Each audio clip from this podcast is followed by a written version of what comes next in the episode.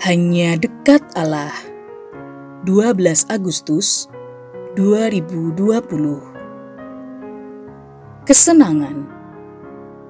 Pengkhotbah 2 ayat 1 hingga 3. Dalam ayat 1, sang pemikir berkata dalam hatinya, "Mari, aku hendak menguji kegirangan.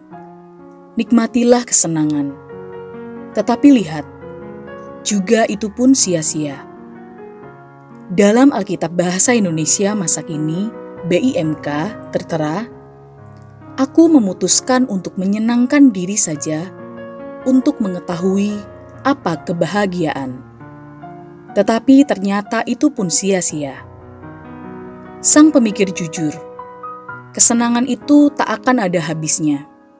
Setelah didapat, malah membuat kita merasa kurang Anehnya, ketika tak dicari, rasa senang itu malah menghampiri.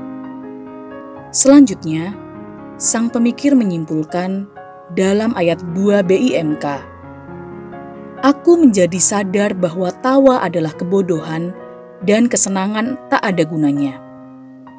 Pertanyaannya adalah, apakah kita tak boleh tertawa dan bersenang-senang?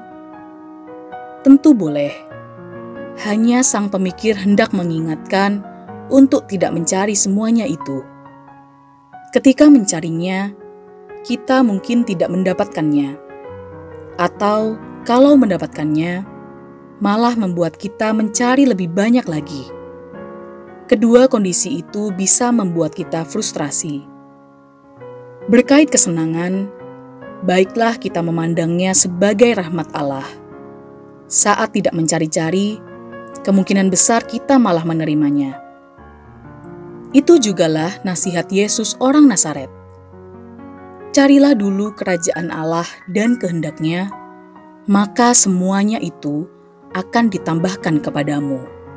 Matius 6 ayat 33 Juga kesenangan.